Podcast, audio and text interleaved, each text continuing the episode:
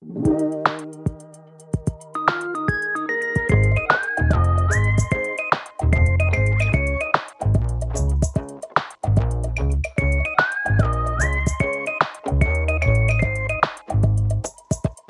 eh, en ny säsong av Byggnadsvårdspodden.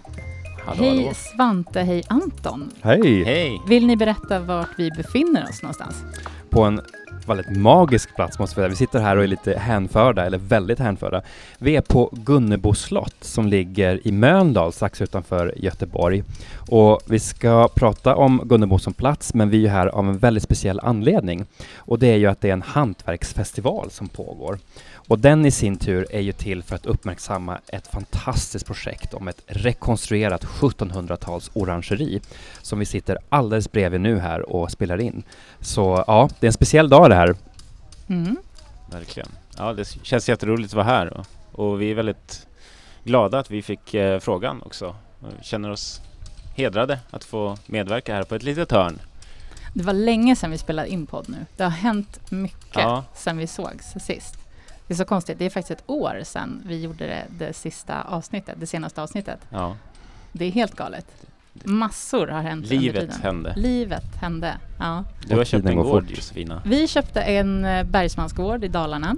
Ja. Eh, Så nu håller vi på med det tredje projektet. Det verkar aldrig ta slut. Men nu ska det faktiskt ta slut. Nu är det, nu är det stopp. Nu ska vi inte köpa några mer hus. Det är köpstopp. Förutom ett orangeri tyckte jag Ja, du möjligen. Ja, om att faktiskt. bygga upp sådär. Mm. Nu sitter vi och tittar på det här orangeriet och det är helt makalöst. Så kanske att vi också behöver ett orangeri hemma. Det är inte Ja. så dumt. Nej. Du då Anton? Ja, nytt sen senast. Jag vet inte om det har hänt så mycket nytt. eh, Vi har mest jobbat liksom med andra hus än vårt eget. Så att det, det är min vardag liksom att renovera hus. Men ni börjar ju också komma till en fas där ni är lite mer klara, Mm. eller hur? Ja men det är skönt för då kan man ju börja göra om saker igen Ja. liksom, som man blir inte så nöjd Nej, med. men, Men, det är mm. inte så här att det i alla fall droppar in vatten genom taket sådär. Nej. Så att, eh, Det gör det hemma hos oss. ja, okej. Mm. På flera Ja. ställen. Ja, vi pratar inte mer om det. Men Svante, du då? Du kör på med ditt hus i Jämtland.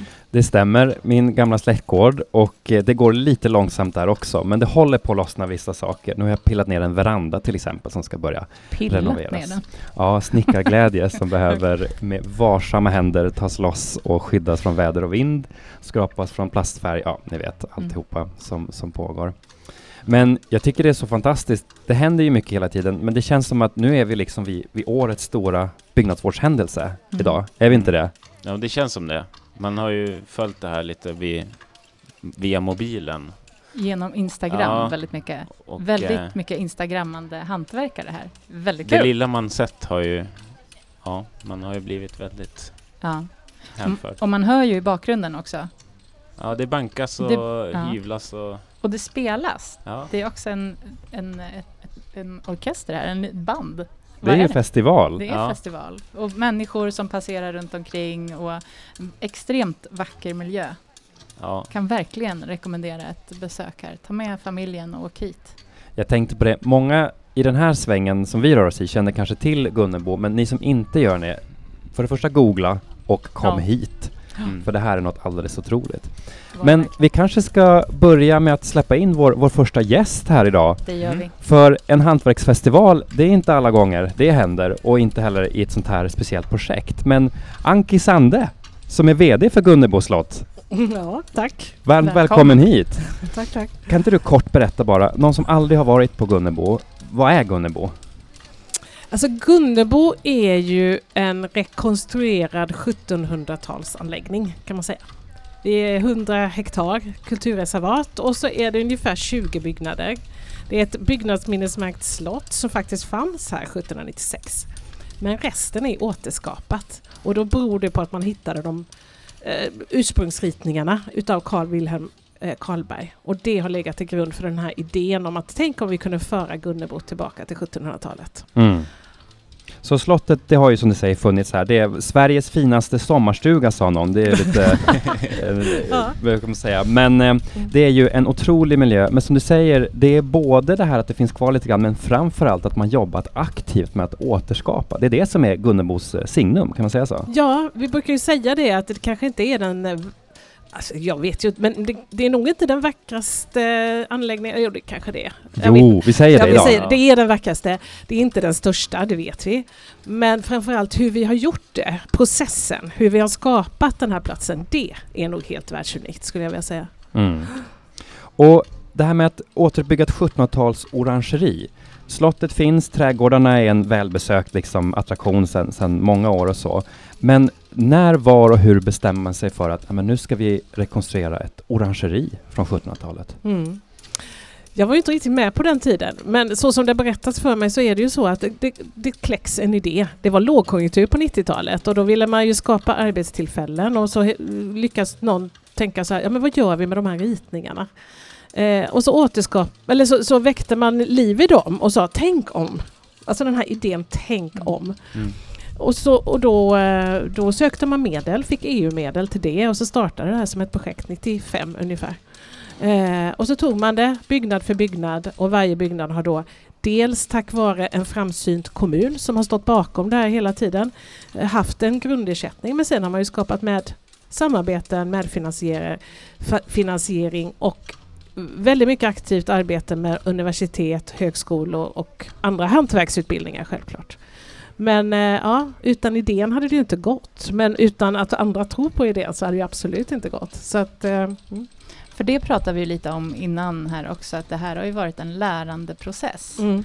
Att man har vågat, eh, man, man visste inte hur, det, hur allting skulle vara från början utan man har liksom tagit det ut med vägen. Hur har Mm. det varit? Ja, alltså det är ju så att flera utav de som är med här har varit med väldigt länge och som jag har haft förmånen att lära känna nu de senaste tre åren när jag har varit VD här. De, de startade ju väldigt tidigt, kanske i någon form av lärlingsfokus eh, eh, eller utbildningsfokus och så. Och så har man ju prövat och testat och lärt sig. Och så har man haft några som har varit modiga nog att ifrågasätta lite grann och så har man gjort om och sen så har man fortsatt. Så jag tror att dels självklart så har man ju lyssnat väldigt mycket på de experter som finns. Och ni kommer ju prata med Stefan Günther senare idag men han är ju en otroligt duktig och framsynt arkitekt som också vågar bjuda in till diskussion om är det här rätt väg eller ska man välja en annan väg och hur kunde det varit då? Är det inspirerat av Frankrike eller Italien? Alltså det finns ju så många nivåer på det här. Eh, och, han, och då måste man vara ganska modig och trygg. Att våga lyssna och ta in och inte bestämma sig förrän man har prövat. Och sen så duktiga hantverkare som också vågar. Så att eh, ja, det är nog det som jag tycker är så häftigt och spännande. Men så det, så det fanns alltså ritningar på det här. Mm. Eh, men det måste ju ha varit... Fanns det ritningar på allt eller har ni liksom fått... Man säger... Gissa lite. Gissa lite eller? Jag tror att Stefan ska vara den som berättar om detta. Men just vad det, om vi tar orangeriet så, så, så, har ju, så har han ju berättat att det fanns ju väldigt få ritningar. Och de var kanske inte alltid så detaljerade. Och sen så fanns det lite akvarellmålningar och lite så. Och han har ju faktiskt, Stefan, suttit och översatt det här till konstruktions och millimeterritningar som har talat om, ja men så här kan vi bygga det. Men jag vet att han, han har gjort många ritningar. Eh, väldigt många ritningar. Själva festivalen här då, orangeriet invigdes officiellt här i veckan Mm. med en liten ceremoni av Mm. något slag. Mm. Och nu är det då festival och det är med ja, alla möjliga typer av hantverk. Det är smide, det är Mm. murare, stuckatur, måleri, eh, allt möjligt. Mm. Vad, vad är den här festivalen till för? Ja men dels, det, blir, det, det byggs ju in en stolthet på en sån här plats självklart. Så vi ville ju liksom ägna den här helgen åt att fira det. Och det är ju många som har passerat, både egna medarbetare men också många entreprenörer som har varit med. Eh, så vi ville ju skapa en plattform för det. Och sen är det ju så sällan vi får liksom samla det här fina eh, hantverket som är så genu- genuint på ett och samma ställe. Så då, då var väl tanken att, men tänk, återigen, tänk om. Mm. så började vi där. Och, och eh, vi fick jättefint gehör och sen började vi bygga det. Så, att, så det började ju med vad är det för hantverk vi har haft och vilka, vad har vi själva gjort och så byggde vi på dem med vilka är det som har varit med och så. Så där. Och sen så har vi adderat till lite annat bra hantverk. Så här finns ju jättemycket. Här kan man slöjda och här kan man eh, pröva på. Man kan framförallt shoppa också. Jättemycket roliga saker. Men det är ju Åh, med nej. hög kvalitet alltihop. Åh nej. Det blir dyrt det här. Kan någon hålla i mig? Ja, men det är lite, jag tänker du Ja. med gården där. Ja, det, Aj, aj. Du kan nog hitta mycket här. Åh, nej. Kakelplattor och färg och... Ja. Det stod i inbjudan att det är den första hantverksfestivalen här på Mm. Gunnebo. Mm. Blir det fler? Ja, alltså tanken är ju att det ska bli fler, men samtidigt så är det ju samma där, man måste våga pröva först och sen får vi ju ta med oss det här och tänka efter, orkar vi med det här ett år till? För det, vi, vi är ju här för att bygga och lära oss och, och också, man får inte, komma, inte glömma det gröna. Vi har ju också det gröna hantverket här och det tar tid för det växer ju hela tiden. Byggnaden blir ju klar, Mm. trädgården blir aldrig klar. men eh, så, så det är ju en sak vi ska ta med oss nu och fundera på. Är det så här vi ska göra det eller kan man göra det på ett annat sätt och så. Men behovet av att visa upp och vara en plats för det här hantverket, den har vi fångat och den kommer vi inte släppa. Eh, men sen formen, formatet, det handlar nog mer om mm, ja, vägval om man säger så. Jag hoppas det, för just idag känner jag att det här vill jag göra många gånger. Mm. okay roligt. Då hoppas vi att vi ses eh, nästa år igen då. Ja, verkligen. Och kommer ni så får vi ju bygga det för er. Om inte Ja. Ja, det var roligt. Tack så Ja. mycket för att du ville vara med. ja, tack för att jag fick vara med. Ja, ha en eh, rolig dag här. Det ska bli jätteroligt att gå runt och titta på allting. Ja, vi har inte varit inne än. Nej, vi har ju inte det. Nej. Svante har ju, eh, Svante har ju eh, tvingat oss att eh, eh, stå utanför orangeriet för att han vill att vi ska... Vill du, är det livesändning du vill att vi ska göra? ja nästintill. Jag Ja. tänkte att jag har ju också följt det här på bild väldigt länge. Men det är bäst om vi blir den, den slutgiltiga hänförelsen, den får Ja. komma. Vi först sitta här och, och dregla lite Ja. först och sen... För det gör man ja. ju. Jag ser ju lite grann in, så jag ser ju lite av färgsättningen bland annat i den här första Ja. eh, Mm. eh, flygeln. Va? Vi kan väl börja med det. Beskriva, vad är det vi ser framför oss här? Ja, herrejösses. Anton? Det är en träbyggnad eh, i gult med två sidoflyglar, är det det kallas? Alltså jag funderar på om det inte är så att vår gäst ska få beskriva Ja, vad det är för någonting som vi ser. För faktiskt. nu kommer vår nästa gäst. Välkommen! Tack, tack. Eh, Andreas Bergersson. Ja, Du är eh, byggnadsvårdande möbelsnickare. Är det så? ja, det är så det står på Ja, Instagram. precis. Ja. Men du är inte bara Stämmer möbelsnickare? Nej, jag eh, har många olika professioner. Ja. Det känns som att du har liksom hållit i det här byggandet på något vis. Det lilla man har följt på. Vad har varit Instagram. din roll? Eh, jag är ju finstickare och det har varit min eh, lott i det här bygget kan man säga. Eh, att eh, stå för finsnickerierna på, på orangeribyggnaden. Eh, och även på, på slottet då.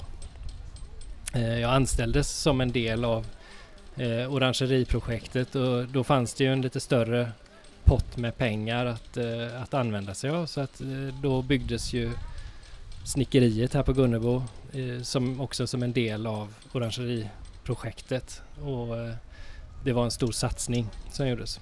Och jag är ju kvar eh, efter eh, nästan nio år som jag har jobbat här. Okej. Ha Så först bygger man. Ett snickeri för att sen bygga orangeriet. Det är Ja, vi- satsa. Vi hade, vi hade ett snickeri som inte riktigt var värt namnet eh, med lite hobbymaskiner av väldigt god kvalitet i och för sig men, Ja. men ändå ganska små och, eh, och det var väldigt trångt. Vi har våran fönsterverkstad i de lokalerna idag. ja.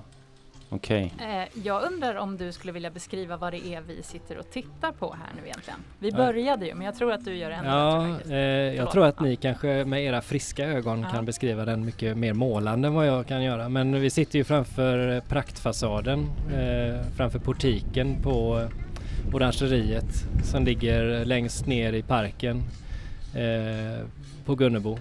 Eh, och den, den här eh, fasaden har ju bara funnits i eh, några dagar än så länge i sitt nuvarande skick. Vi rev ställningen så sent som för en vecka sedan. Eh, och då var färgen fortfarande blöt. Jag har fortfarande fläckar kvar på, på armarna efter, efter den våta färgen som vi rev ställningen i. Eh, men eh, man kan se de två paviljongerna. Eh, grottans paviljong och eh, den västra paviljongen. Eh, som är huvudingången till, eh, till orangeriet. Och så ser man de tre valvbågarna i portiken Eh, med den skurna dekoren högst upp.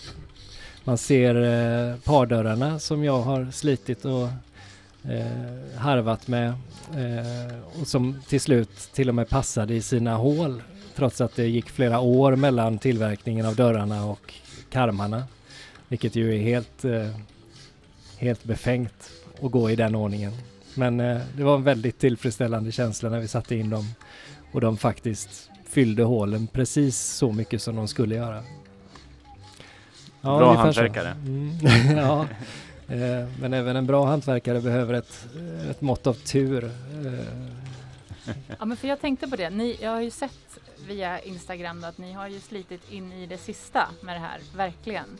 Eh, och jag var lite nyfiken på eh, om ni är sådär som, som jag är när jag har gjort klart någonting hemma och knappt vågar låta någon gå in när jag har målat någonting eller så. Känns, det- känns det nervöst nu när folk börjar strömma in i det här som ni har arbetat med så länge? Är du nej, nervös? nej det, det kan jag inte påstå utan snarare väldigt, väldigt roligt att- att se de här eh, lokalerna som, som, som jag har gått omkring i och blivit nästan lite hemmablind på. Eh, som helt plötsligt eh, ses med alla dessa nya ögon och, folk kommenterar och folk ser dem på sitt eget sätt och, och, och går och använder dem. Eh, det är väldigt roligt. Väldigt roligt. Vad har folk sagt hittills då? Har du hört någonting av Ja, folk, folk är väldigt imponerade och det, det är, är ju jag också måste jag erkänna. Det, det, det är miljöer som, som, eh, som man inte ofta ser och det är miljöer som man ännu mer sällan får tillfälle att, att, vara en del av och bygga och, och tillverka själv. Liksom. Det, det händer ju inte så ofta eh, i den här delen av världen i alla fall. Så att, eh, ja. Det är ju, när man sitter och tittar här, fasaden, det är ju väldigt fin ornamentik över hela fasaden. Det är, om vi pratar då arkitekturspråk, det är pilastrar, doriska pilastrar här, det är massa listverk, det är en löpande hundbård längst upp och så vidare. Jag tror att vi måste förklara vad, det här, vad du pratar om. Jag tänker nästan det. Alltså, det vill säga Konstvetaren går lös. Vad sa du? Konstvetaren går lös. Ja, Det- jag, ja, men det här är ostoppbar, så att eh, ni, får, eh, ni får tygla mig. Men kort sagt, det är ju enligt nyklassicismens ideal som det här byggdes. Ehm, och jag tänker, alltså som finsnickeri, möbelhantverk, det är ju nästan lite som det på här fasaden, eller hur är det att göra alla de här detaljerna? Ja, det får du nästan fråga snickaren som har gjort de detaljerna för att eh, vi hade inte med eh, den här praktfasadens eh, dekor kan man säga i våran tidplan. Eh, utan när vi upptäckte att det fanns en vag möjlighet att få in den eh, liksom innan, innan vi skulle dra ett streck här i och med invigningen så eh, beställde vi eh, tillverkningen av all dekor av ett snickeri som vi har samarbetat med förut eh, som heter Burhults snickeri, väldigt skickliga eh, snickare. Eh, och de har gjort eh, alla de här som en stor byggsats åt oss och så mm, har vi monterat den i ett rasande tempo. Mm. Eh, och själva den löpande hunden som du pratade om, det här eh, väldigt typiska ornamentet som, som, är, det, som pryder eh, fasaden högst upp. Eh, det är skuret eh, i fur, som allt annat på fasaden, eh, av eh, två bildhuggare. En som finns representerad här idag, jag tror att den andra är som gäst eh, representerad också, Emilia Lergraven och eh, Panos Mamakos, eh, väldigt skickliga också, som har hjälpt oss med det. Men förlåt, det, ja, men- någon måste ställa den här frågan. Vad då löpande hund? Löpande hund är ett bårdornament. Det är som en liten bård då med ett mönster. Det ser ut, om man tänker rörelsen, som en hund springer, alternativt som en Som en våg, vågrörelse. ja. Ja. Så kan man säga. Man får kolla upp löpande hund så ser man. Det är ett jättefint ornament i alla fall, Ja, verkligen. Får jag passa på att fråga dig då, du kanske vet det riktiga namnet på den här? För det har jag letat efter. Det riktiga namnet, Ja, men jag tänker att det finns ett flott grekiskt namn. alla gräck tänker du på.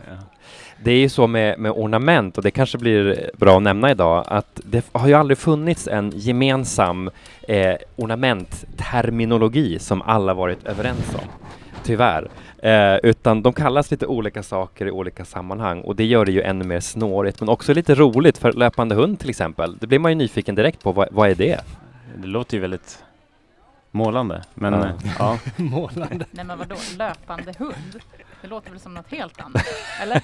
Beror på vad man har för associationskedjor. Jag, ja, jag tycker det ser ut som en våg. Ja. Så det är så jag kommer minnas det. Men den är ju fantastisk.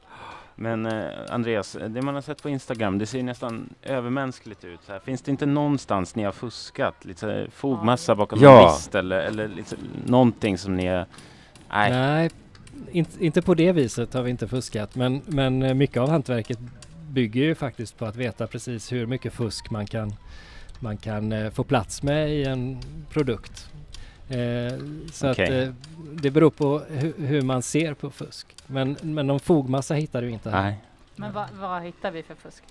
Eh, du, Man, man kan säga att vi har tagit genvägar ibland där det har eh, eh, funnits utrymme för det. Eh, till exempel så har vi inte använt bara smidspik. Vi har eh, Eh, bedömt att eh, för mycket av det här projektet handlar ju inte bara om att bygga ett hus utan eh, det är i alla fall hälften av meningen med att göra en sån här grej är ju att, att så många människor kan få tillfälle att, att utveckla sig inom hantverk. Och det skapar ju också och, och underhåller det här ekosystemet av eh, leverantörer och liksom de som, de som står för förutsättningarna för att vi ska kunna bygga en sån här kåk. Eh, smeder, eh, allt vad som krävs liksom. Eh, och då har vi försökt att, att hålla någon slags eh, nivå på det där hela vägen. Men eh, inte ens här då, som vi har ändå bättre förutsättningar än de flesta, eh, Eh, så har vi kunnat eh, göra det fullt ut. Utan vi, till exempel är ju timret eh, blockat från sågverk. För vi tyckte att det, här- det där kan vi redan. Vi behöver inte lära oss det en gång till utan de andra rekonstruktionerna här på Gunnebo är ju gjorda från rundtimmer då och bilade på plats. Så det har vi redan gjort och det är väl en sak som, som vi har frångått kanske. Och sen så är det hela tiden den här avvägningen mellan handverktyg och maskiner eh, som man kan göra. Det är en väldigt flytande skala där och, och som med portarna till exempel är det väldigt, väldigt mycket handverktyg. Och med panel och sådana saker så, så är det väldigt maskintillverkat. Allting är ju eh, putshyvlat kan man säga. Så, för att annars så syns det väldigt tydligt när man, eh, när man målar. Och alla ytor eh, avslöjar sig om man inte om man inte behandlar dem med ett handverktyg på slutet. Men, men på den nivån Mm. är det på många sätt. Ja men det känns ju ändå bra. Man är lite pragmatisk. Jag menar det är ju väldigt lätt att man låser fast vid att det måste bara göras på ett gammalt sätt och, Men- och då ja. fastnar man där liksom för att man inte kommer vidare i processen. ja men annars är det väl inte möjligt? Jag tänker ekonomiskt också att genomföra ett sånt här. Det hade varit svårt, Mm. eh, svårare i Mm. alla fall. Eh, det, man vinner väldigt, väldigt mycket på att eh, göra saker från grunden med handverktyg. För man eh, får en, eh, en väldigt eh, mycket djupare förståelse eller eh, djupare förstå- man, får en, man får en förståelse kan man säga eh, för vad, vad det är man gör. Eh, sen kan man göra samma procedur i en eh, maskin och, och, och, och se på den på ett helt annat sätt. Eh, man förstår varför ett notspår ligger där det ligger. Man förstår varför en tapp är utformad som den är. Varför det inte ser ut på ett annat sätt. Utan det ger sig självt när man gör det med handverktyg.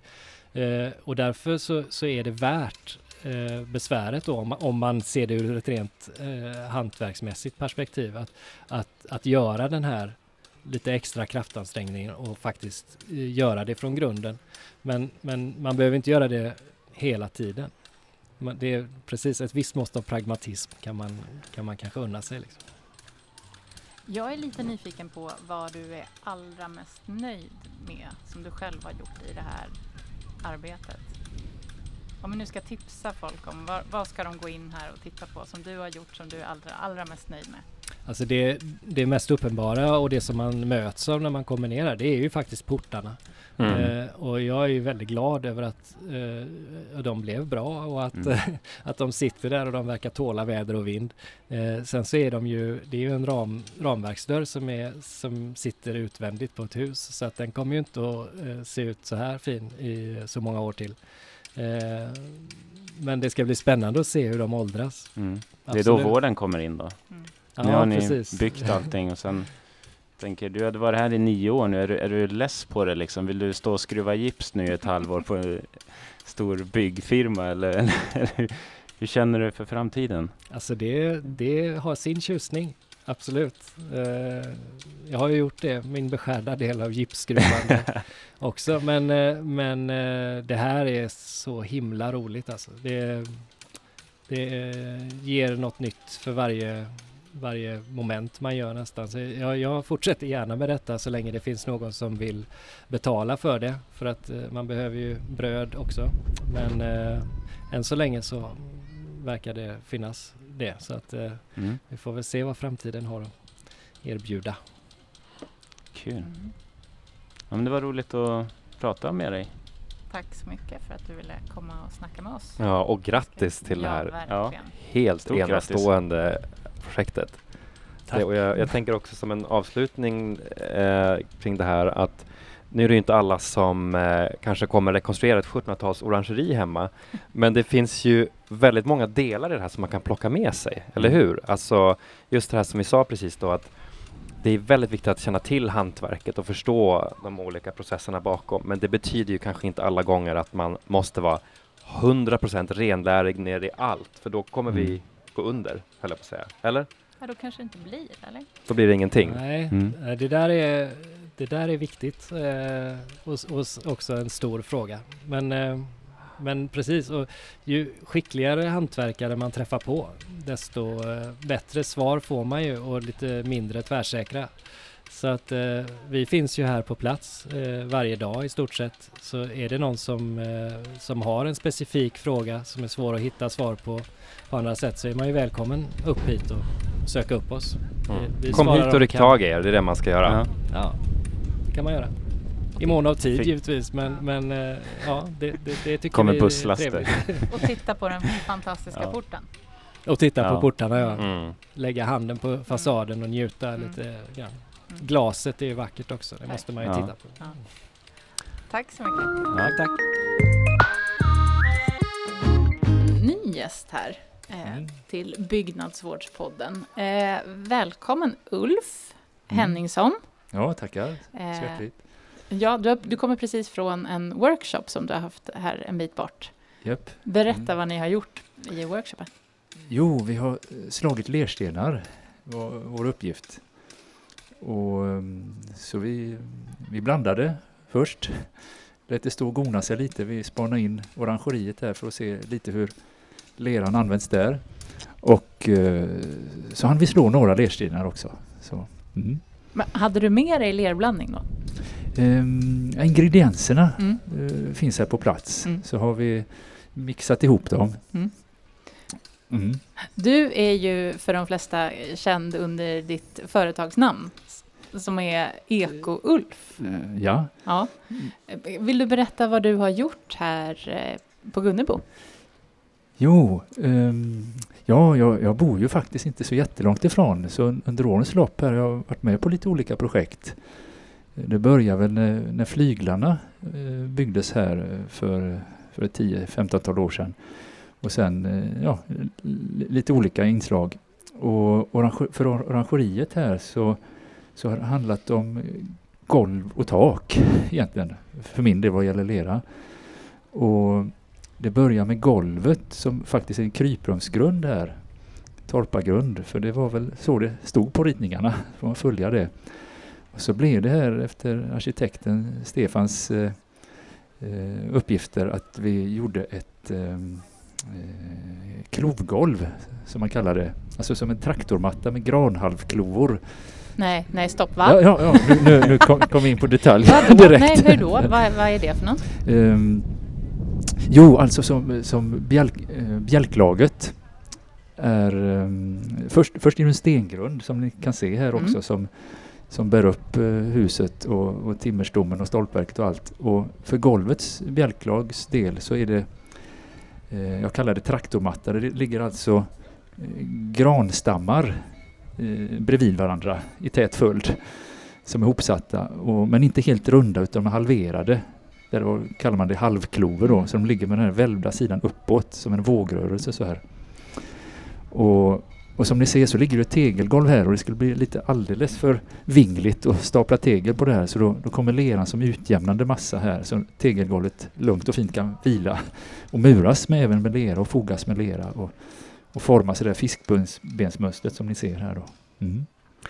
Det här med ett orangeri, det är ju egentligen ett, ett väldigt tjusigt växthus om man ska förenkla. Ja, yes. Det vill säga, det är ett hus som ska tåla ganska mycket fukt och sådär. Hur, hur börjar man, eh, hur ska man tänka? Är det här ett våtutrymme eller vad, hur, ska, hur ska man klassificera? Eh, Ja, orangeri. på, sätt, eh, på sitt sätt är det ju faktiskt så. Ja, fukthalten eh, förhåller sig från 0 till 100 på olika tider på året och dygnet och allt det här. Och, och rätt som det är när man vattnar på så kan det ång- ånga på det riktigt kanske. Och, och, mm, och det är ju vitsen med de här materialen, obränd lera och bränd lera och trä, att de är hygroskopiska och jobbar med fukten. Och, så både människor, organismer och växter ska trivas i det sällskap och, och, och frodas då. Så det, det är väl det som är vitsen med, med de öppna materialen helt enkelt. Och vad betyder det när, när du säger hygroskopisk? Ja, att, att den har, har lite tvättsvampsförmåga. Alltså om det är överskott så kan de eh, buffra och, och suga åt sig. Och sen när det blir eh, lite knapp, knapphändigt och, och puffa tillbaka då. Mm. Så istället för toppar och dalar så kan det vara utjämnande kurvor. Så. Mm. Det är ju, låter lite klyschigt att säga, men det är ju verkligen det här med levande material, eller hur? Alltså att de, Mm. de samspelar med varandra. Mm. Ehm, trä, lera, det är många saker som ska liksom kunna finnas och trivas med varandra här. Är det här ett extra komplicerat arbete? Eh, ja, det, eh, så sett är, det- är det väl eh, enkla och direkta material så, men, men i alla materialmöten och kombinationer så gäller det att eh, tänka till och försöka få dem att samsas, absolut. Och, och hitta rätt proportioner och balanser och så. Och, och, och just det här golvet som jag nämnde, det, det var, har varit lite av ett försök kan vi säga. För, för vi har inte gjort exakt så innan och, och kände oss fram och, och hittills så tror jag alla är nöjda eh, vad, vad gäller hållfasthet och allt så. Mm. Men äh, är det ett eget eh, experiment eller såg det ut så på, på ritningarna som ni hade? Ritningen var väl i princip att golvbjälklagets tjocklek var utmätt, utsatt och sen vad, vad det innehöll har eh, arbetats fram här på senare tid och Mm. nu inför. Mm. Det var lera i taket också nämnde du. Mm. Ja, eh, och, och då är det Ja, det- eh, orangeriet har ju som en L-form här Mm. Och, och det är ju egentligen det ena längden på L, växthusdelen, där jag har jobbat med lera då. I den an, andra ändan, det andra, det är ju grottan där, där det är mer tegel och kalkbruk. Men, men för den, den växthuslängan här så är det alltså eh, hela golvet är med tegel och, och lergolv och de här klovarna jag sa. Och taket så är det i hörnrummen så är det putsade innertak. Mhm. Och um, i mittpartiet där, själva växthusdelen, så är det eh, just de här lerstenarna vi nu har på workshop, då, då ligger det sådana, inte synliga, men ovanför trätaket ligger de där och jobbar, kan vi säga, fuktmässigt. Så, så är tanken. Mm. Det ska- låter ju väldigt komplicerat, men eh, Ja, jag, jag, jag, vill, ja, jag vill ju gärna förklara det enkelt, men man man blir väl lite... eh, Ja, blir snabbt tekniskt. Ord, ordmängd sådär. Ja. Men du har lite grejer med dig. Kan vi inte Ja, få ja, titta på vad du har med dig? Ja men exakt. Ehm, så ja, det här är egentligen eh, de här takdelarna då jag nämnde. Lerstenarna är ju ganska direkta. Mm. Det- Du har med dig en tegelsten. En kaka här, tegelsten, Grå som inte är bränd. Ja.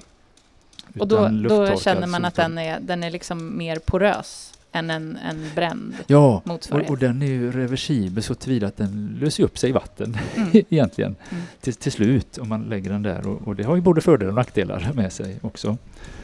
Och, och här är en, en slags tvärsektion på hur, hur taket ser ut just i de här två hörnrummen, paviljongerna fast i den ledden då upp och ner på. Du har med dig som en, en putsad eh, eh, platta med Bräda. vass på. Är det vass? Ja, det är först en vassmatta som är häktad mot de här gran eh, då. Ja. Och, och så är det grovputs först som är lite gråare för den är faktiskt tagen här från ståloppet alldeles bredvid. Uppgrävd när Mölndal muddrar för att slippa översvämningar och så vidare, Mölndals stad.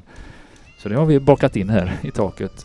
Och, och sen är det faktiskt köpelera då, eh, bara lera om jag ska erkänna det, från, eh, för finputsen. För det, det är inte lika många stora stenar i den, lite smidigare att få, få ett jämnare lager. Och, och, och faktiskt är det lite spackelbruk till här. Eh, finfilager, vad ska jag säga. Och, och då råkar det vara så att när de skar här i grottan för um, Ehm, skar i tegelmuren där för att få in alla fina stuckaturer och sådär och få, få det i geometri så blir det tegeldamm över. Det passar jag på för det var så, var så fint att mixa in här också. Så lite restprodukter här från andra hantverkare. Kul att ta, ta, eh, städa och bygga samtidigt brukar jag uppskatta. Och sen har målarna då eh, Kristina och kompani lagt först en oljegrund och så är det limfärg på slutet. Så det är vita innertak här. Mhm. Snyggt. Det är, det är en lång process till ett färdigt tak, men Ja, några moment. Så, ja, ja.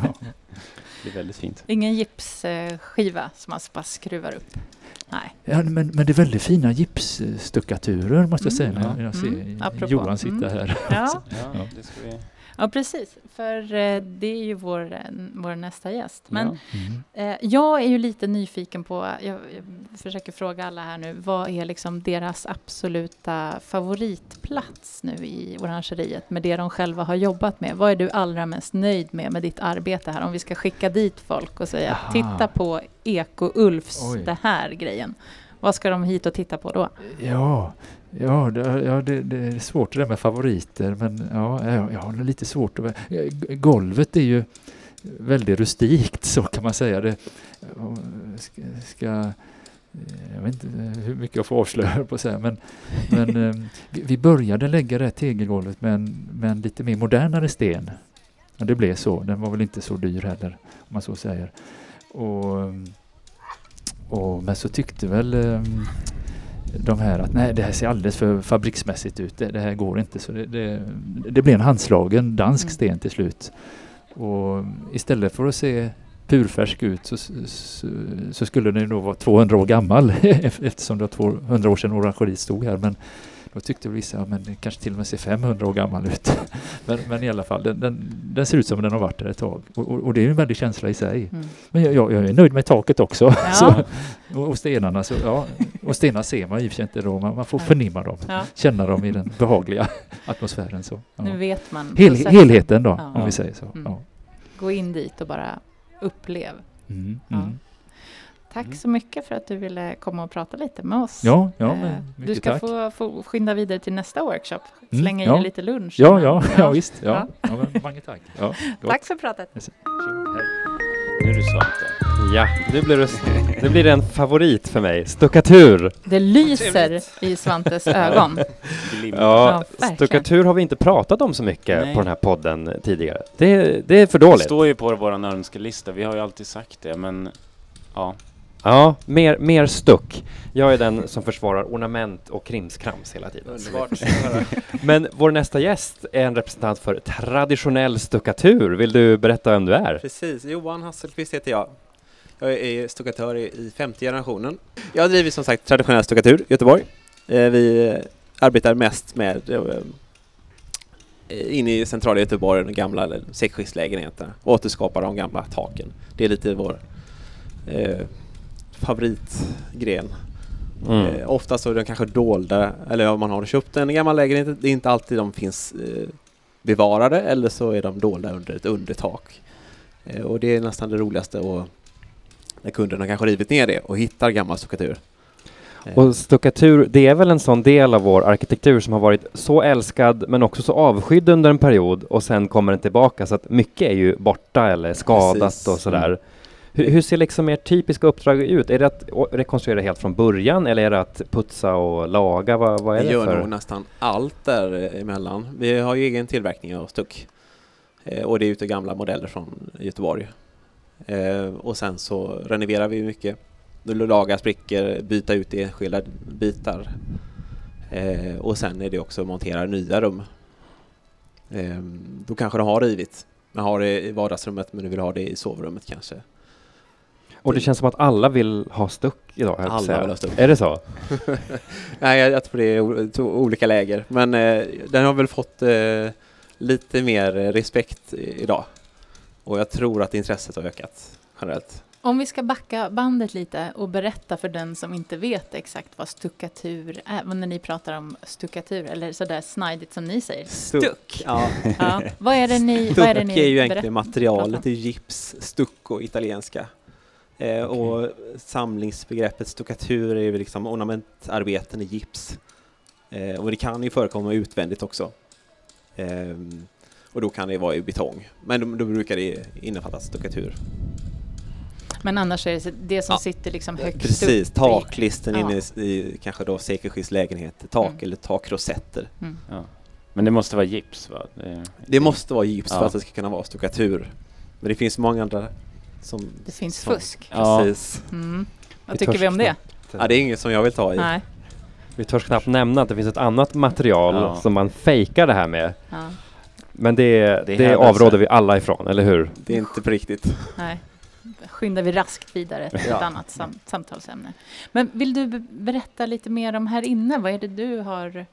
Vi har Varit varit involverade i projektet, framförallt Grottan. Där har vi varit med eh, tillsammans med Panos bildhuggare som är anställd på Gunnebo. Eh, tagit fram då eh, ornamentiken och, och byggt upp den miljön invändigt. Från eh, tegelstomme var det när vi kom in i bilden och så har vi klätt den med stuck.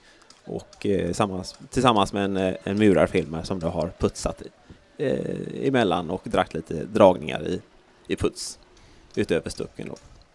Hur går ett sånt arbete till? Hur, hur börjar man? Var börjar man? Eh, precis, man börjar på eh, arkitektens kontor. Mycket ritningar har det varit. Mm.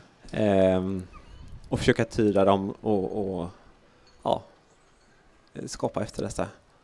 Fanns det ritningar på allt eller har ni liksom I försökt?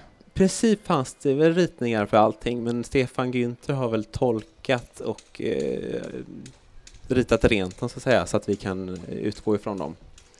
Men allt var dokumenterat in i minsta detalj. Så hur många mallar har ni tillverkat?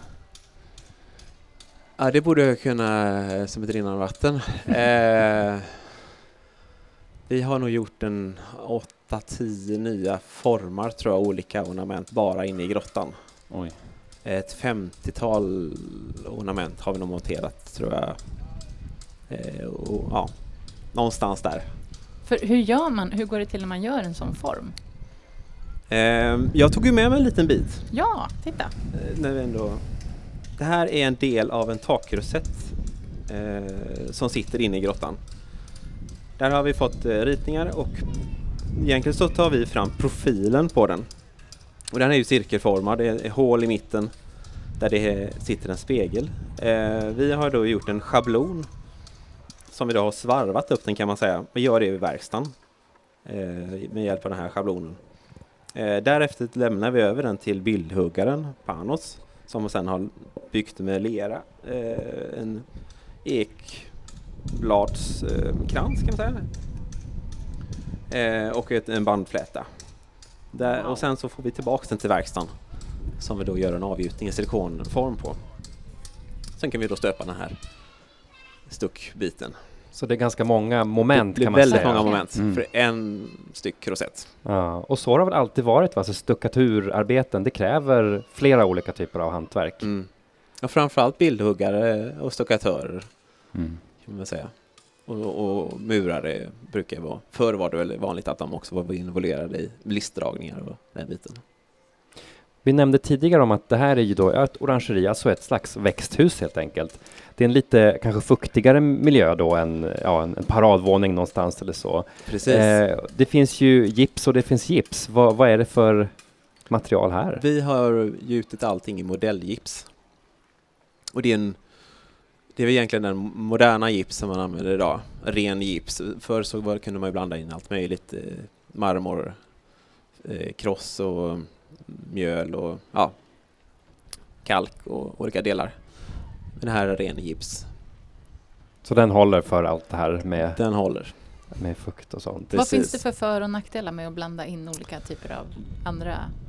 Ja, jag har inte så mycket erfarenhet av de äldre teknikerna och eh, men det får ju olika styrkor i det. Det är väl egentligen det enda tror jag som jag... Och det får ju lite olika struktur i ytan och den här blir väldigt slät. Och, Ja, precis. Det är den ju. Vi kan säga det Wow. för lyssnarna, det vi tittar på här, den här lilla biten av en takrosett, det är ju otroligt krispigt, Mm. eller hur? Man ser hur skuggorna faller, det, det är väldigt fint att titta på. Ja, det är så fint när de är nya också. Jag som jobbar mycket med renovering av lägenheter i stan där det är ju ofta man kommer till övermålade eh, liksom ja, med stuckaturer som man kan skönja lite grann men de är ju aldrig, aldrig så här. jag vet fin. inte riktigt vad det föreställer sig, vad det ska Nej. vara för mönster. För det är väl kanske ett av de vanligaste problemen när det gäller stuck, om man tittar på frågor i olika byggnadsvårdsforum. Vad gör man om man har liksom en jättefin stuck men det är en, en centimeter plastfärg och andra saker ovanpå så allt bara ser ut som en gröt? Vad, vad kan man göra då? Det går ju att skrapa ner och tvätta rent den.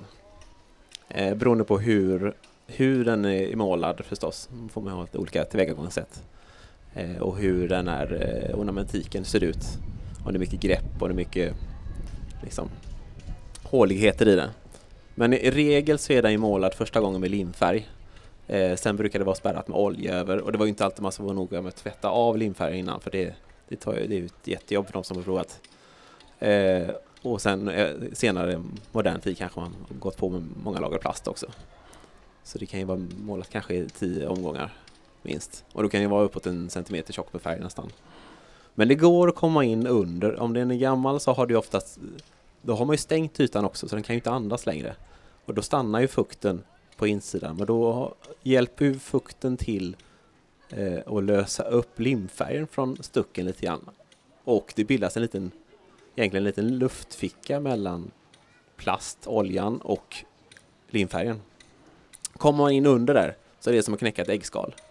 Så då kan du Mhm. pilla bort färgen. Och sen har du bara limfärgen kvar och den går ju att tvätta bort med vatten. Det är väl ett bra budskap till alla. Det, det, även om det är sådär övermålat, det finns hopp. Man behöver inte välja det där. Sen kan det vara gamla skador du stöter på. Ja, och de kan ju ha spärrmålat med allt möjligt så det kan ju vara ett jättejobb också. Det är inte Mm. alltid det går så lätt men har man tur så, så går det. Det är värt ett försök. Ja, absolut. Det är om man har tålamod. Det är ganska tidskrävande. Mm. Vi gör en del sådana arbeten men det är som sagt, Det är pilligt. det är pilligt är det. Ja. Mm. Nu är ju orangeriet färdigt. Vi sitter här och eh, beundrar. Vad känner du nu när det är klart? Helheten här. Vad, vad är du mest eh, nöjd med? Grottan, absolut. Den Varför? Är, det har varit sådana um, utmaningar hela vägen. Um, något helt unikt. Uh, kupoler bygger man inte varje dag.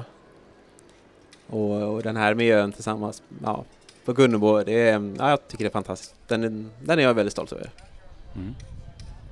Den där grottan återkommer. Vi, vi Ja. måste När dit. får vi gå in och titta Svante? Ja, men jag tycker att nu, nu, nu har vi hållit, nu, har, nu är det dags tror jag. Nu det Nu, dags. nu får vi gå in. Vi gå in. Ska vi inte säga så? Ja. Eh, och så återkommer vi alldeles Ja, strax vi. med en recension. Men, Tack eh, så mycket för att du ville komma och prata Ja. med oss. Tack för att komma. Tusen tack. Mm. Och man kan följa dig på, Traditionell stuckatur. det är ett väldigt tillfredsställande konto därför Ja. att man ser ju resultaten så snabbt när det går upp och så här. Så det är ett väldigt bra konto. Roligt att höra. Mm. Tack så mycket. Tack för att du kom. Tackar.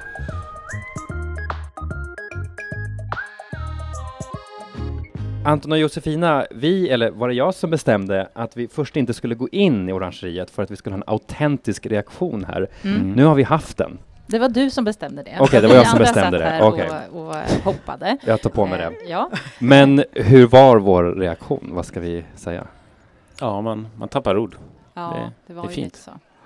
Ja, Verkligen. oftast finns det alltid någonting man kan haka upp sig på. Så här, ja, det där kunde varit lite bättre, Mm. men jag kunde inte se någonting. Nej. Men det är inte klart heller. Så att, eh, det kommer ju bli ännu bättre. Ja. Hur det nu går att toppa det. Men, Ja.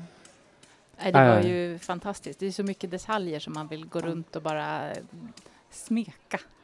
Faktiskt. Ja. Eh, jo men det är ju faktiskt Ja. så. Det är ett väldigt sinnligt hus på det sättet. Man vill ju ta på de här grejerna. Man, mm. man, och, och, och lukterna, man känner fortfarande linoljefärgen och träet och ja, men allting. Det är ju en Mm. liksom, eh, upplevelse för, för, eh, För flera sinnen. sinnen. Ja. Mm.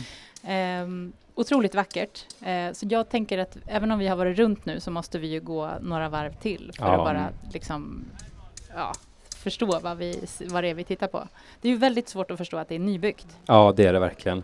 Um, och jag tycker det är så roligt därför att jag menar, jag har följt det här på bild väldigt länge. Och när liksom verkligheten överträffar, det ser otroligt fint ut på bild också, men att vara här, det är, ja, men som du sa, det är, jag saknar ord faktiskt. Det är så himla fint.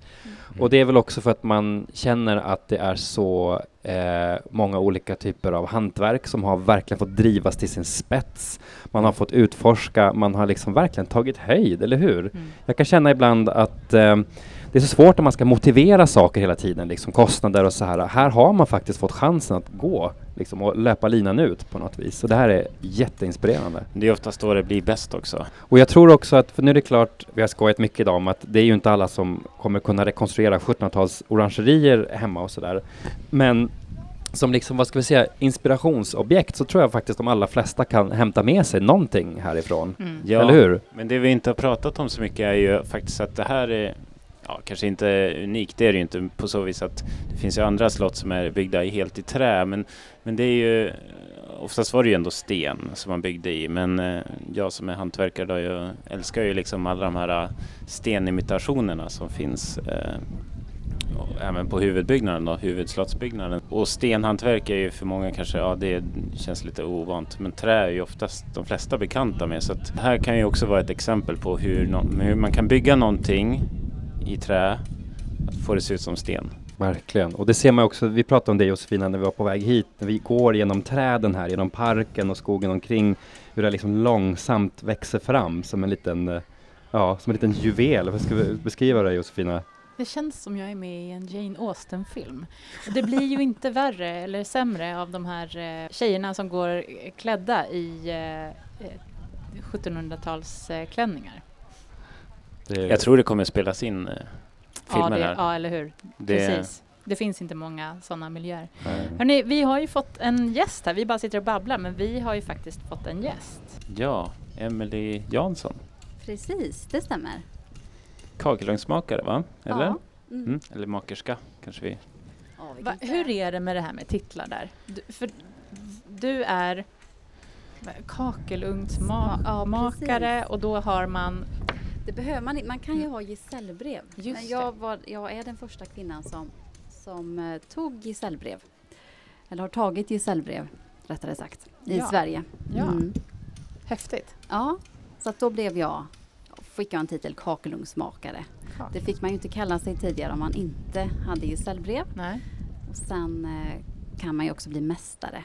Och då blir man kakelugnsmakarmästare. Det var väldigt eh, tungvrickarord. Verkligen. Vill du berätta om eh, vad du har gjort här på Gunnebo? Ja, det är ju tre kakelugnar här inne i orangeriet som har uppförts. Och det är ritningar efter, eh, ja det, det vet ni ju sedan tidigare, att det är efter gamla ritningar, eller ritningar och efter gamla förlagor. Eh, och kakelugnarna här har väl inte varit hantverksmässiga tidigare, har man trott. Det har egentligen inte funnits några skärvor man har hittat, men slottsarkitekten tyckte att det var trevligt att få. Det har ju varit, eftersom det har varit kakelugnar här men man inte riktigt vet hur det har sett ut så tänkte man att man skulle ha lite enklare modeller. Fast ändå inte, de är ju inte superenkla i sin helhet som ni säkert har sett. Nej. Ehm, Vill du beskriva dem? Ja, det är en grön, det är gröna kakelugnar på, um, på järnfötter. Förr hade man ju ofta träfötter. Men här är det järn. Och så är det järnluckor. Och så är det en grön glaserad yta med en rinnig grön glasyr på varje kakelplatta. Och det här är ju, tidigare så gjorde man ju, eller när man tillverkade kakelugnar så hade man ofta en blyglasyr som var rinnig. Och blyglasyr får man inte använda sig av idag. Utan då har tillverkaren handmålat varje kakel så att det ska se ut som en rinnande glasyr i bly. Så fantastiskt vackert och det ena kaklet är det andra olikt så att alla kaklarna är ju, varierar ju lite i kulör. Vilket blir ett väldigt vackert, eh, så, som ett litet eh, spel, eller vad ska man säga, ett litet, eh, en liten detalj i varje, varje mönster. Eller varje form. Mm. Är det någon skillnad när man murar kakelugnar? Jag tänker vi har ju det berömda rökkanalsystemet som är så Ja. typiskt för våra svenska kakelugnar. Ja. Ehm, när man murar upp en kakelugn i ett bostadsrum eller som här då i ett orangeri, är det någon skillnad eller är det samma princip? Det är samma princip fortfarande. Man eh, utgår efter det systemet som har funnits sedan 1767. Då man tog hit det till Sverige och förnyade det lite grann. Och det är ju fantastiskt att vi fortfarande använder oss utav det. Eh, och det systemet har man ju försökt att ändra på för att se om man kan få det mer effektivt men man har inte hittat några andra bättre lösningar. Mm. Så att det är ju fantastiskt att det bara är tegel, lera, sand och vatten Mm. som man får till och murar upp hela kakelugnen med. Det här med järnfötter som du nämnde, det var lite ovanligt eller? Ja, det var ju mer ovanligt. Oftast var det ju en järnställning som man hade. Men sen också med trä, ehm, träfötter på de här järnbenen kan man säga. Ja. Här är det ju endast järn. Vilket blir en väldigt nätt och vacker känsla. Och det känns som att det här vackra tegelgolvet blir som en orientalisk matta som går under kakelugnarna. Mm. Att det fortsätter inunder. Och det är väldigt vackert att se. Mm. Att det blir väldigt luftigt och fint. Jag får väl säga det, för många brukar ju fråga det där, men varför hade man kakelugnar på fotställning förr i Mm. tiden? Vad brukar du svara då? Jag säger mest att det var dekorativt. Man ville ju, man ville ha, man ville ju alltid avgränsa foten från själva kakelugnen om man säger. Och när man inte hade blivit förbjudet att ha kakelugn på fot och då började man ju och hade glaserade fötter eller målade fötterna, marmorerade för att visa att det faktiskt var en skillnad mellan foten och själva kakelugnen. Men det blir ju ett mycket nättare intryck Mm. på Mm. kakelugnarna. Mer svävande sådär. Precis, mycket Mm. mer svävande. Verkligen snyggt. Idag så är ju kakelugnar något av det mest eftersträvansvärda för många. Alltså alla vill ju ha en, en kakelugn. Ehm, men nu är vi ju mitt i en energikris också. Um, kakelugn, antikvitet eller liksom framtidsteknik? Vad, vad, vad skulle du argumentera här för, för kakelugnarna? Jag kan ju se i, eh, inne i eh, olika städer, där är det mer en kanske statussymbol att ha en kakelugn idag.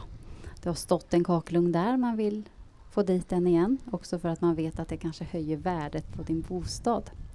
Men på landsbygden är det helt annat. Där vill man faktiskt använda kakelugnen som en värmekälla. Men jag tycker ändå med se ett, ett mönster om att, att det är fler personer som tänker just på höga elpriser. Man vill vara lite mer ekologiskt och ekonomisk och tänka att det är kanske ett bra alternativ att ha en eldstad ändå, om strömmen går. För Mm. det är ju väldigt sårbart idag. Eh, och om någonting händer så kan vi knappt koka oss kaffe eller värma mat. Och då tänker jag att, eller jag ser i alla fall att det är väldigt många som, det har blivit en mycket större efterfrågan. På, man får, det är ju också en, det är inte bara en effektiv värmekälla, för det är också en väldigt vacker möbel och inredningsdetalj. Mm, Så att det förskönar ju hemmet på så många sätt. verkligen.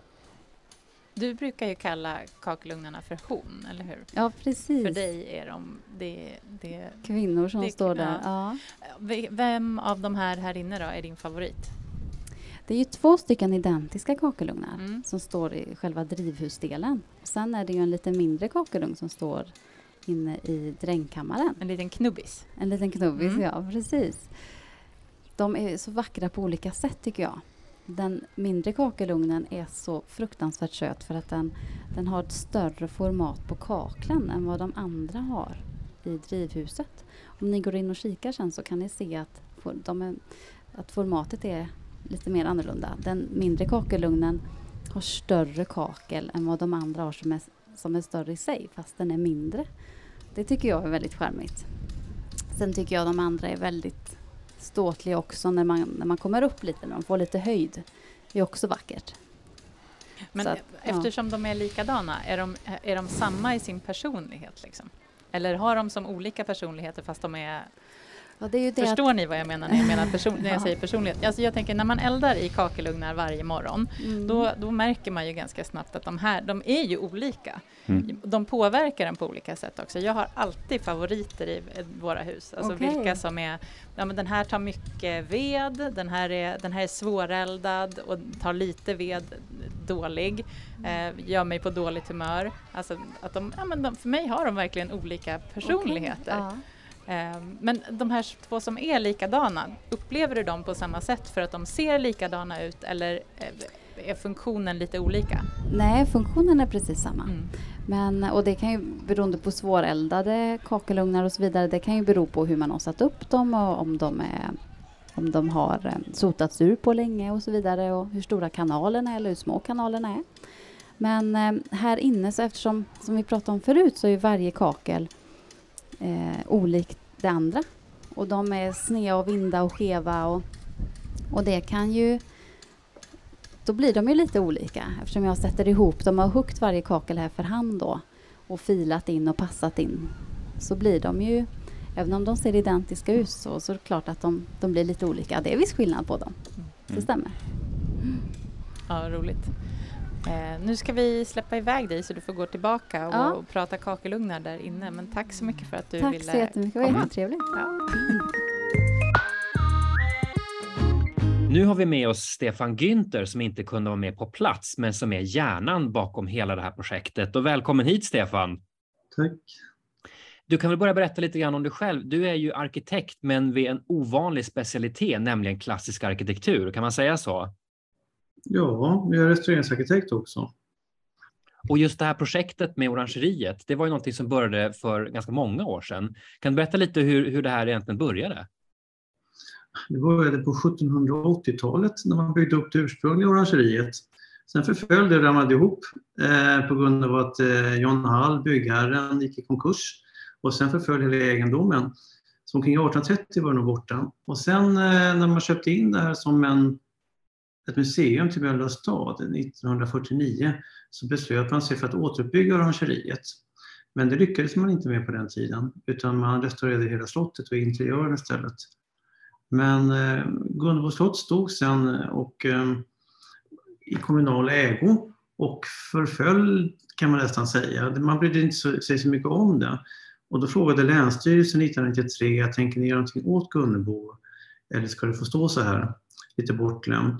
Och då beslöt man sig för att eh, i ett samarbete mellan Länsstyrelsen och Mölndals stad påbörja projekt som heter Gunnebo åter till 1700-talet. Och det har genomförts i tre etapper. Nej, men det, är en, det är en diger process ba- bakom det här projektet. Men du, eh, arkitekten bakom Gunnebo ursprungligen, det var ju Carl Wilhelm Karlberg. Vad var han för typ av arkitekt kan man säga? Wilhelm Karlberg var Göteborgs stadsarkitekt under hela sin levnad. Hans far var först stadsarkitekt och han föddes in i rollen och fick titeln när han var 29 år gammal och sen behöll han den tills han eh, dog 67 år gammal. Och var han en arkitekt så att säga som var väldigt typisk för den här tiden? Är han en framåtblickande arkitekt eller en lite mer konservativ? Vad, vad kan vi placera Karlberg? Som alla framgångsrika arkitekter var Karlberg besatt utav det moderna. Han gjorde en femårig studieresa i Europa där han studerade det allra senast byggda ritet utav alla stadsarkitekter och hovarkitekter han kunde hitta i huvudstäderna i eh, ja, hela Centraleuropa utom eh, Spanien och Portugal. Så han var väldigt berest och hade tagit intryck av, av det, det senaste så att säga. Ja, han studerade framförallt Paris. Där fanns hans förebilder. Han var, bodde två år i Paris och eh, mätte upp eh, ett hundratal byggnader. Och eh, det mesta av det han mätte upp där kan man sedan känna igen i hans byggnader i Sverige. Så det är också ett väldigt gediget. Det är inte bara att han liksom tar inspiration och så. Han mäter och är väldigt noggrann helt enkelt när han, när han ritar sina hus. Ja, det var ju så pedagogiken såg ut på den tiden. Genom att mäta upp så mycket som möjligt skulle man själv bilda sig en god smak. Eh, Så det var så man lärde sig att bli en arkitekt, genom att kopiera andra. Och det här med orangerier då, det finns ju orangerier på ganska många olika platser, inte minst i slottsmiljöer och sådär. Eh, vad hade de för funktion på 1700-talet, förutom att vara just ett slags växthus? Fanns det fler eh, anledningar till varför man byggde orangerier? Det var ju framförallt för att vinterförvara de citrusväxter och andra växter som inte kunde överleva klimatet. Och det, sådana hus behövde man ju från norra Italien och uppåt och genom Europa. Eh, det sägs utav framförallt Blondell att man använde dem för fester under sommarhalvåret när de stod tomma. Ehm, och man har antagit att de eh, har använts för det, eh, kanske för att få lite större utrymmen i de slott där de är, är stora. Ibland kan de vara enorma som på Versailles till exempel. Så det är lite dubbla funktioner. Att det, dels är det vinterförvaring för citrusfrukter och träd, men på sommaren så är de ju väldigt bra just för, för fest och, och glam. Ja, just eh, Gunnebos orangeri eh, är byggt för att kunna fungera på två sätt eh, samtidigt mer eller mindre. Det är byggt med en länga mot parken som fungerar som en fondbyggnad mot parken och sen har det en sydvänd fasad med en drivhusdel. Den delen mot parken är byggd som en liten sommarvåning för herrskapet efter modell av Plinius den yngres sommarbostad alltså för 2000 år sedan. Medan... Eh, filosofen, eller var han Plinius? Historikern? Historikern, ja.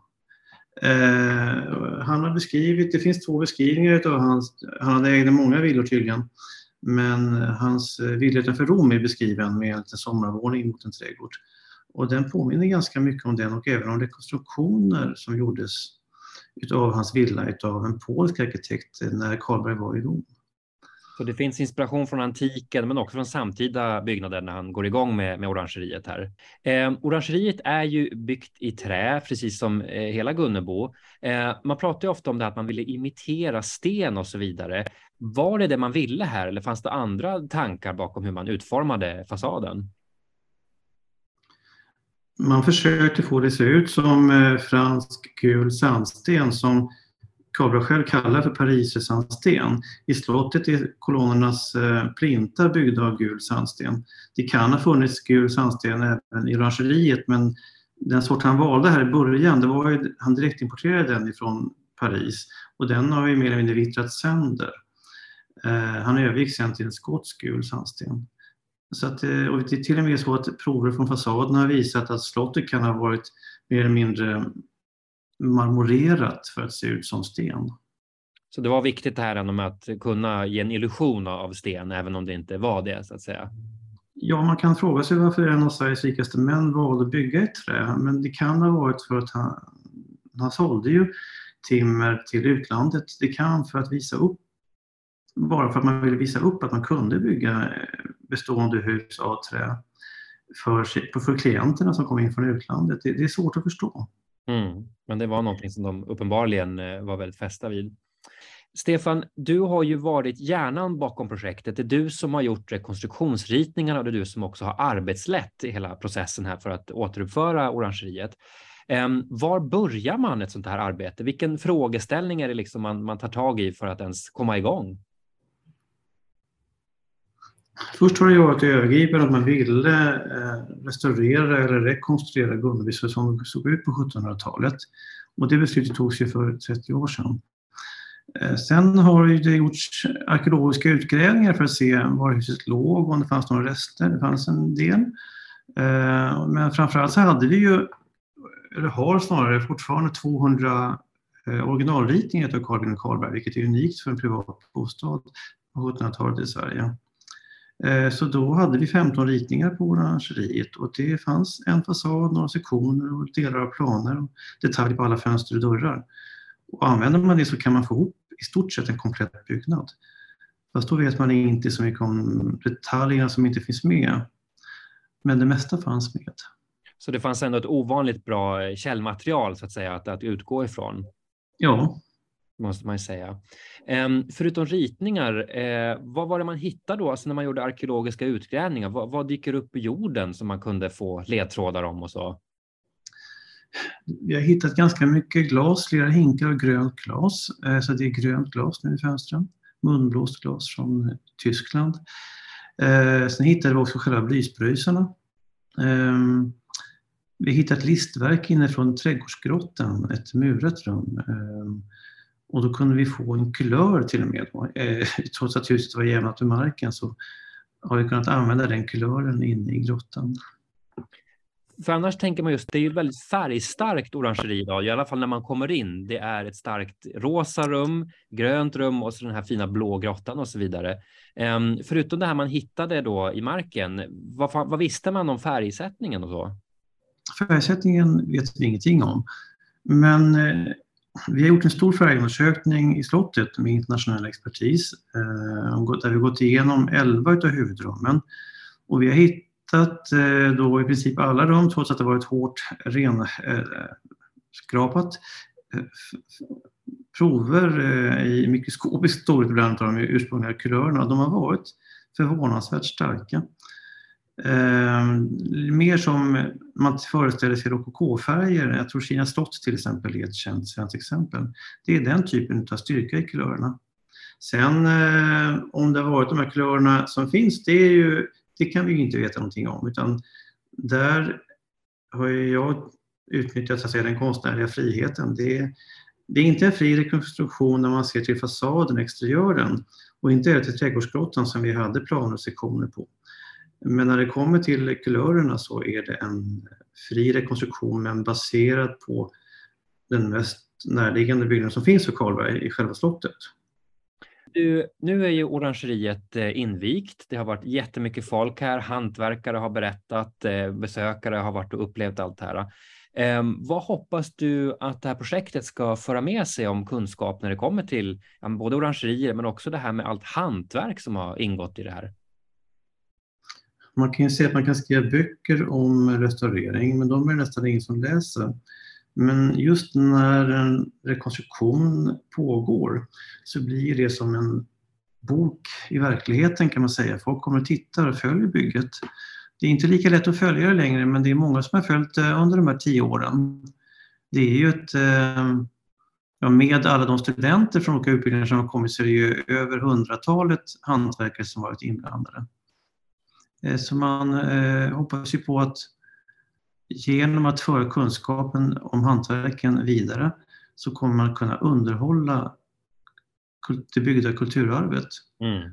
Om det inte finns någon som kan göra det så kommer man att sluta med att restaurera med hjälp av 3D-printers. Så det är väl återigen det här med att egentligen är det inte bara att man har rekonstruerat ett orangeri, man rekonstruerar också kunskap och hantverk på olika sätt. Det är ju väldigt många olika typer av hantverk inblandat. Det är ju mureri, snickeri, timring, kakelugnsmakeri och så vidare. Men arkitektens roll i allt det här, det känns som att du är en dirigent som styr en stor symfoni här av, av olika saker. Är det en bra beskrivning?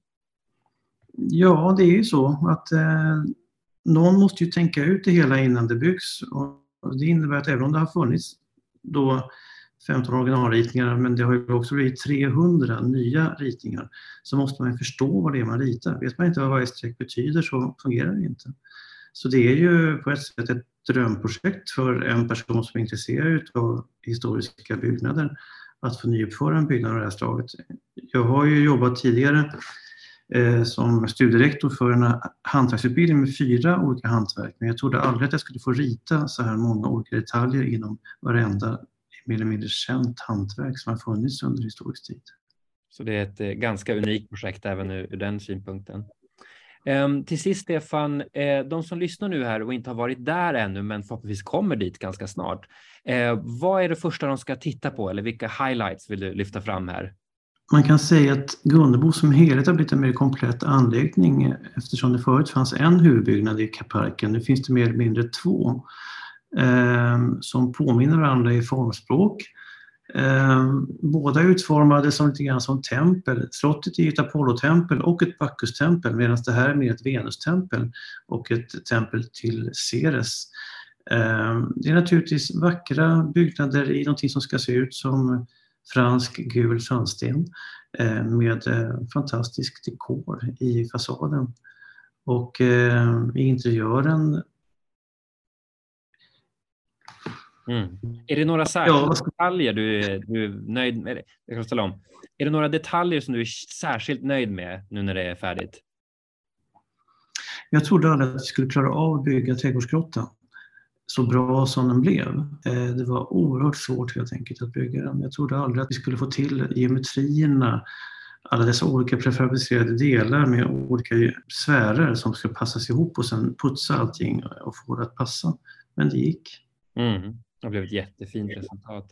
Ja, men det kan vi rekommendera alla som kommer att titta på grottan är en av delarna som, som verkligen är värd att uppleva. Men du Stefan, tusen tack för att du pratade med oss och vi kanske kommer tillbaka. Tack. Tack så mycket. Vilket ställe. Alltså vi sa ju Ja. det när vi kom hit. Eh, det här är så här, håll käften snyggt. Ja, det är det verkligen. Man kan inte säga verkligen. så mycket annat. Men du, du kände något annat, Svante? Nej, men jag har känt allt möjligt idag. Jag, eh, jag tycker så här att, fast nu pratar jag för min egen del, att det känns ofta så mycket att man måste motivera och liksom försvara varför man håller på med byggnadsvård och varför man ska satsa resurser på gamla hus och så vidare. Och att ibland är det jättesvårt och man kan känna sig lite i underläge. Men efter att ha sett det här så känner jag mig liksom lite upprorisk. Jag bara, vad fan, det här är ju hur bra som helst. Alltså, förstår ni, fattar ni inte? liksom. Så att det här med orangeriet tycker jag visar eh, hur viktigt det här är och hur otroligt mycket kunskap och grejer man faktiskt kan göra av det här. Mm. Alltså jag får en så här, nu, nu måste vi sluta be om ursäkt. Det här måste Ja. vi satsa på. Jag Fler känner mig lite... 1700-tals orangerier. Ja, Ja. absolut. Ja. Jag känner mig lite stolt nästan. Mm. Jag tänker, det kan inte finnas många byggnader idag, 2022, som är byggda med den här Nej. kvaliteten. Att vi kan hitta den kompetensen i, Fortfarande. ja, Mm. i Sverige. Det är ganska imponerande måste jag säga. Ja, Men, visst eh, är det. Jag känner mig också lite tagen här så att jag tror jag behöver komma tillbaka här i lugn och ro i Mm. höst eller någonting och gå runt i rummen för mig själv och studera alla detaljer. För det är, ju- Mm. man hittar alltid, någon, alltid någonting nytt. Mm. Sen är ju miljön bedårande i slottsparkerna här Mm. också så att, vilket bidrar till upplevelsen. Verkligen. Men man går lite rakryggad härifrån känner jag. Mm. Eller? Mm, absolut. Och jag kommer tillbaka. Ja, det Ja. måste vi absolut göra. Mm. Ja, vi får se vad de hittar på härnäst. De kanske... Jag menar, hur ska man toppa det här? Bygga, Nej. byggnadsmässigt. Men de känner väl skönt att det är klart kanske. De har inte Säkert. börjat tänka på nästa projekt kanske. Vi som börjar där. Men hörni, eh, tack för idag och, eh, och tack ni som har lyssnat. Eh, det har varit väldigt roligt. Hoppas ni också tyckte. Tack för idag hörni. Ha det bra. Hej då! Hej då.